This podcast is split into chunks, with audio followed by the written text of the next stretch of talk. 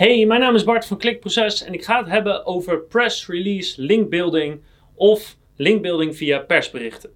En dit is een heel specifiek soort linkbuilding die niet voor iedereen geschikt is, maar ik ga je precies vertellen wat het inhoudt, waarom het zo goed kan werken, wanneer het wel werkt, wanneer het niet werkt en natuurlijk hoe je het doet. Dus press release linkbuilding is in feite heel eenvoudig. Je stelt een persbericht op en een persbericht is meestal kort tot zo'n 300 woorden. Die verspreid je zo snel mogelijk onder zoveel mogelijk potentieel geïnteresseerde mensen. En je probeert daarmee zoveel mogelijk PR-waarde en backlinks te verzamelen. En dat is het eigenlijk heel kort. En je hebt in feite drie soorten press release linkbuilding. Je hebt internationaal, en dat betekent dat je op internationale sites probeert te komen en te blijven. Je hebt het in Nederland via een persdienst. En in feite stuur je daar je persbericht heen en zij verspreiden het voor je. Of je stelt een persbericht op en je verspreidt het zelf onder websites waarvan je denkt dat ze het misschien overnemen. En dat versturen kan zijn naar grote sites, denk aan het AD.nl of de Washington Post internationaal. Maar het kan ook naar lokale nieuwsites zijn. Het kan ook gaan over nieuwsites binnen een bepaalde branche, bijvoorbeeld in de transport- en logistiek sector. Dus afhankelijk van je persbericht kan je dat naar verschillende type nieuwsites sturen. Dus wanneer pas je deze vorm van linkbuilding toe? Nou, als je een website net nieuw lanceert, is dat een heel mooi moment om die lancering ook via press release te boosten. En dat betekent meestal dat je wat sneller uit de Google Sandbox gaat. Als je niet weet wat de Google Sandbox is, even heel simpel gezegd, dat is een bepaald filter wat nieuwe websites over zich heen krijgen tot maximaal een jaar, waardoor het moeilijker is om te scoren in Google. Meestal tot ongeveer een week of 30, 40 blijft dat zitten. En als je veel persaandacht krijgt, dan is die misschien wel meteen vanaf, dat, dat filter, die sandbox. Um, ik heb een ander artikel, daar leg ik precies uit wat het is. Maar je kan het ook hebben als je een bepaald nieuw product lanceert of een nieuwe productgroep die je hoog in Google wil hebben, dan kan het meteen een boost geven.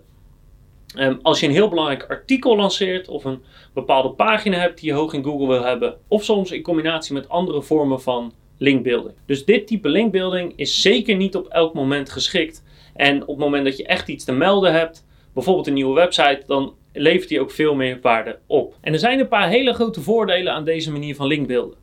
Je hebt er niet zoveel content voor nodig. Naast dat je backlinks kan krijgen, kan je ook gewoon goede PR krijgen, wat misschien mooi is meegenomen. Vaak zie je dat als een bepaald aantal nieuwswebsites iets melden, dat eigenlijk de rest dat vanzelf over gaat nemen. En de backlinks vanuit nieuwswebsites zijn doorgaans van grote waarde, omdat het autoritaire websites zijn. Maar er zijn ook een aantal nadelen aan. Um, het kan zijn dat heel veel backlinks no-follow zijn en dan heb je er niet zoveel aan. Als je het slecht treft en in het begin wordt je artikel een paar keer geweigerd, dan krijgt het eigenlijk niet dat momentum wat het nodig heeft. En het kan ook gebeuren dat je wel veel genoemd wordt of dat je artikel overgenomen wordt, maar dat je geen backlinks er vandaan krijgt. En dan heb je er qua SEO nog steeds niks aan. Dus de tactiek is niet alleen maar roze geur en maneschijn. Nou, wat deze tactiek niet is, is dat je naar een website gaat als persberichtenplaatsen.nl of persberichten.nl, waar je gewoon je persbericht gratis kan neerzetten, wat in feite gewoon een verkapt article marketing website is. Daar heb je niks aan, niemand pakt het op. Dat is niet wat ik bedoel. Wat ik bedoel is dat tientallen of een paar honderd nieuwswebsites jouw artikel oppakken. En als je internationaal in het nieuws wil komen, dan heeft bijvoorbeeld SEO Butler een hele goede press release service. Dus wat ze doen is, jij levert ze de URL aan waar je linken heen wil hebben. Je geeft ze het onderwerp van de tekst je kan ze zelfs een paar keywords meegeven. Zij schrijven het artikel voor je en zij versturen dat naar honderden, honderden, honderden internationale nieuwswebsites. En bijna gegarandeerd dat ze het oppakken voor je. Het nadeel is, als je content niet echt nieuwswaardig is, dan worden ook heel veel van die berichten en heel veel van die linken vrij snel weggehaald. Maar dit kan een hele goede manier zijn om internationaal min of meer verzekerd te zijn van aandacht. En het allermooiste is, die press release service die kost ergens tussen de 50 en 150 euro.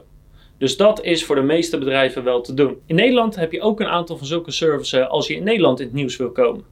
Dus je hebt bijvoorbeeld de perslijst.nl, buspers.nl en perssupport.nl.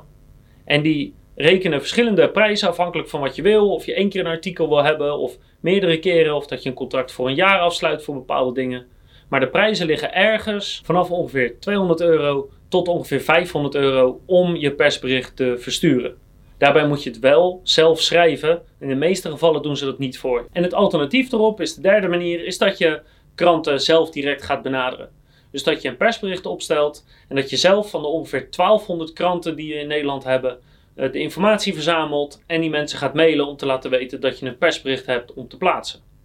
Ik moet daarbij wel zeggen dat het inschakelen van een van die drie bureaus waar ik het net over had, of eigenlijk gebruik maken van hun netwerk, van hun software, vaak heel veel effectiever is en in elk geval heel veel sneller is. De reden dat wij dat niet altijd doen, is omdat we uh, onze eigen mailsystemen hebben, onze eigen follow-ups hebben. We willen soms bepaalde mensen bereiken, bepaalde contactinformatie hebben.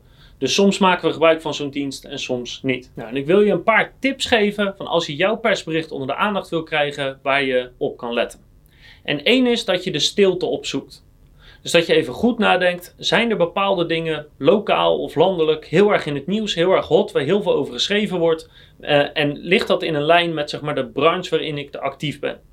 Dus ben je actief op het gebied van voetbal bijvoorbeeld en je wil in het nieuws komen, dan zou ik dat niet doen als er een grote wedstrijd aan gaat komen of als er een belangrijk kampioenschap is. Ervan uitgaande dat jouw persbericht niet aansluit bij dat kampioenschap natuurlijk. Dus probeer de stille momenten op te zoeken waarin mensen maar wat graag iets interessants plaatsen. Tweede tip, let op de onderwerpregel en de titel van je bericht. En zorg ervoor dat je zo relevant en zo significant bent als het maar kan. Dus als je lokaal mensen mailt, noem dan bijvoorbeeld de naam van de gemeente of de naam van de plaats. Als je landelijk scoort, moet je iets anders verzinnen. Maar zorg dat je meteen relevant en significant bent in je onderwerpregel en in de eerste zin in zeg maar de titel van je e-mail. Want geloof me, redacteuren nemen niet zo heel veel tijd om je mail te lezen of lezen alleen maar de eerste paragraaf. Dus hoe sneller je relevant en significant bent in hun ogen, hoe groter de kans is dat ze er iets mee doen. Hou daarbij ook in gedachten dat je mail echt kort is. Want de kans dat ze een grote mail gaan lezen is extreem klein. En ik ben niet altijd een voorstander van kort, maar als je pers of redacties gaat mailen, hou het kort. En begin daarbij dus ook meteen met je belangrijkste argument, met je belangrijkste reden, met het meest nieuwswaardige. Want korte tijd meteen relevant en significant zijn. Dus begin met je meest krachtigste argument. Stuur het persbericht en de foto's meteen mee in de mail, zodat ze niet jou weer moeten contacteren om dat weer op te vragen. Dus stuur alles wat je hebt meteen mee. En zorg er ook voor dat het verhaal meteen duidelijk is. Dus wat je niet doet, is dat je naar een redactie allerlei feiten of cijfers gaat sturen en dan gaat zeggen: Nou, misschien kan je hier iets mee. Dat is niet wat journalisten en redacties willen die willen het verhaal al voorgekoud hebben. En hoe beter je dat kan doen, hoe groter de kans is dat het geplaatst wordt. En als ze wat vragen hebben, dan mailen ze of bellen ze jou wel terug. En er zijn een aantal formats waarvan het wel min of meer vaststaat dat redacties en, en pers daar over het algemeen in geïnteresseerd is. En die zal ik hier even voor je opzommen. Dus als je lokale media wil bereiken, ja, alles wat echt lokaal gericht is, dus door het noemen van de plaatsnaam heb je eigenlijk meteen al de aandacht. Een conflict is eigenlijk altijd wel interessant. En natuurlijk hoe significanter het conflict, hoe beter. Want ja, dat jij ruzie hebt met je buurjongen of buurman, daar heeft natuurlijk niemand wat aan. Een bepaald incident wat is voorgevallen. Als er iets is wat echt in een extreme is of in een superlatief. Dus de allernieuwste, de allermooiste, de allergekste, de allerleukste. iets wat echt de extreemste vorm is. Als iets gloednieuw is, kan dat interessant zijn. Daarnaast is het altijd belangrijk om op te letten op de timing en de relevantie van iets. Ik had het net over de kampioenschappen van voetbal. Ja, je moet natuurlijk niet vier weken na die kampioenschappen komen met iets heel interessants over dat kampioenschap. Want ja, dat had je ervoor moeten doen. Toen was het relevant, toen was iedereen ermee bezig. Schandalen zijn van alle tijden, zijn bijna altijd interessant. Net als het klein versus groot verhaal. Het David versus Goliath. Het verhaal van Moby Dick en de eenzame visser.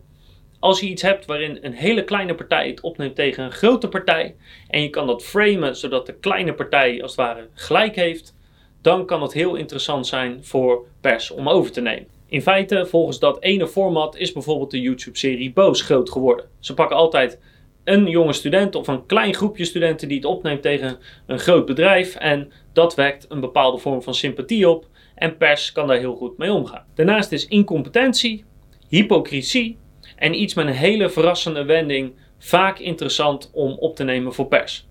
Daarnaast heb je nog een soort categorie overig voor verhalen die hele sterke emoties oproepen.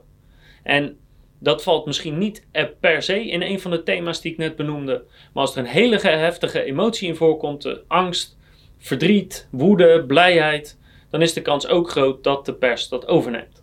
En nou moet ik zeggen dat de meeste standaard persberichten, zoals wij bestaan 25 jaar, zich hier niet helemaal voor lenen. Maar hoe meer je dit kan verwerken in je persbericht, hoe groter de kans is dat het wordt overgenomen. Mail vervolgens de bedrijven en vergeet daarin niet om follow-ups te sturen. Dus als je eenmaal één keer een mail hebt gestuurd, moet je goed bijhouden wie heeft gereageerd. En iedereen die niet heeft gereageerd, kan je nog een eerste, een tweede en voor mijn part een derde herinnering sturen na een bepaalde tijd. Op die manier haal je het maximale uit je press release campagne. Tenzij je het natuurlijk verstuurt via SEO Butler of een ander stukje software of tool gebruikt, dan zijn follow-ups meestal niet mogelijk. Maar op die manier haal je het maximale eruit en zorg je dat jouw persbericht zoveel mogelijk onder de aandacht komt. Nu kan je press release linkbuilding tot een extreme maken. Dat je super goede content gaat maken, mensen specifiek gaat targeten, dat je follow-ups goed instelt. We hebben ook een andere video gemaakt met hoe we het landelijk nieuws hebben gehaald op deze manier. Maar dat vind ik niet echt onder press release linkbuilding vallen. Ik zie dat echt als simpel iets maken, snel versturen en kijken wat er gebeurt. Dus dit zijn de manieren hoe je dat kan doen. Ik wens je heel veel succes met als je weer een stukje nieuws naar buiten brengt, om gebruik te maken van deze techniek om extra backlinks te scoren. Als je een nieuwe website hebt, als je een nieuw product lanceert of als je net één pagina even iets hoger wil hebben door hem onder de aandacht te brengen. En ik wens je heel veel succes met het toepassen hiervan. En ik zie je graag terug bij de volgende met nog meer informatie over YouTube, over voice, over conversieoptimalisatie en over SEO.